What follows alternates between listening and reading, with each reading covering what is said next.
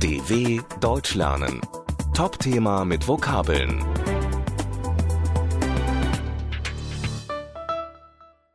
Bienen liefern mehr als Honig. In Europa gibt es zu wenige Bienen, warnen Wissenschaftler. Durch mehr Bienen könnte man die Ernte verbessern, zum Beispiel bei der Produktion von Biokraftstoffen, und das ohne zusätzliche Pestizide oder Dünger. Die Bienenbestände in Europa sind in Gefahr, vor allem dort, wo intensive Landwirtschaft betrieben wird und Pflanzenschutzmittel verwendet werden, sterben viele Bienen, besonders wildlebende.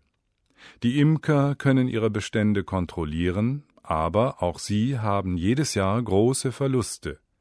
Durch Pestizide und Parasiten sterben im Winter viele Bienenvölker und müssen im Frühling ersetzt werden in manchen Jahren bis zu 30 Prozent. Die Bienen produzieren einerseits Honig, andererseits sorgen sie durch die Bestäubung der Pflanzen für eine gute Ernte in der Landwirtschaft. Allein durch mehr Bienen, ist der Biologe Peter Rosenkranz sicher, könnten die Erträge der Landwirtschaft, zum Beispiel bei der Produktion von Biokraftstoff, gesteigert werden. Dazu müsste man keine zusätzlichen Pflanzenschutzmittel einsetzen, die der Umwelt schaden. Bestäubung als Dienstleistung ist ein Trend, der in Europa gerade erst beginnt. Der Landwirt bestellt beim Imker so viele Bienenvölker, wie er für sein Feld braucht, und bezahlt dafür. In den USA oder China ist das schon weit verbreitet. Die Erträge auf Rapsfeldern könnten so um 30 bis 40 Prozent erhöht werden, meint der Wissenschaftler von der Universität Hohenheim.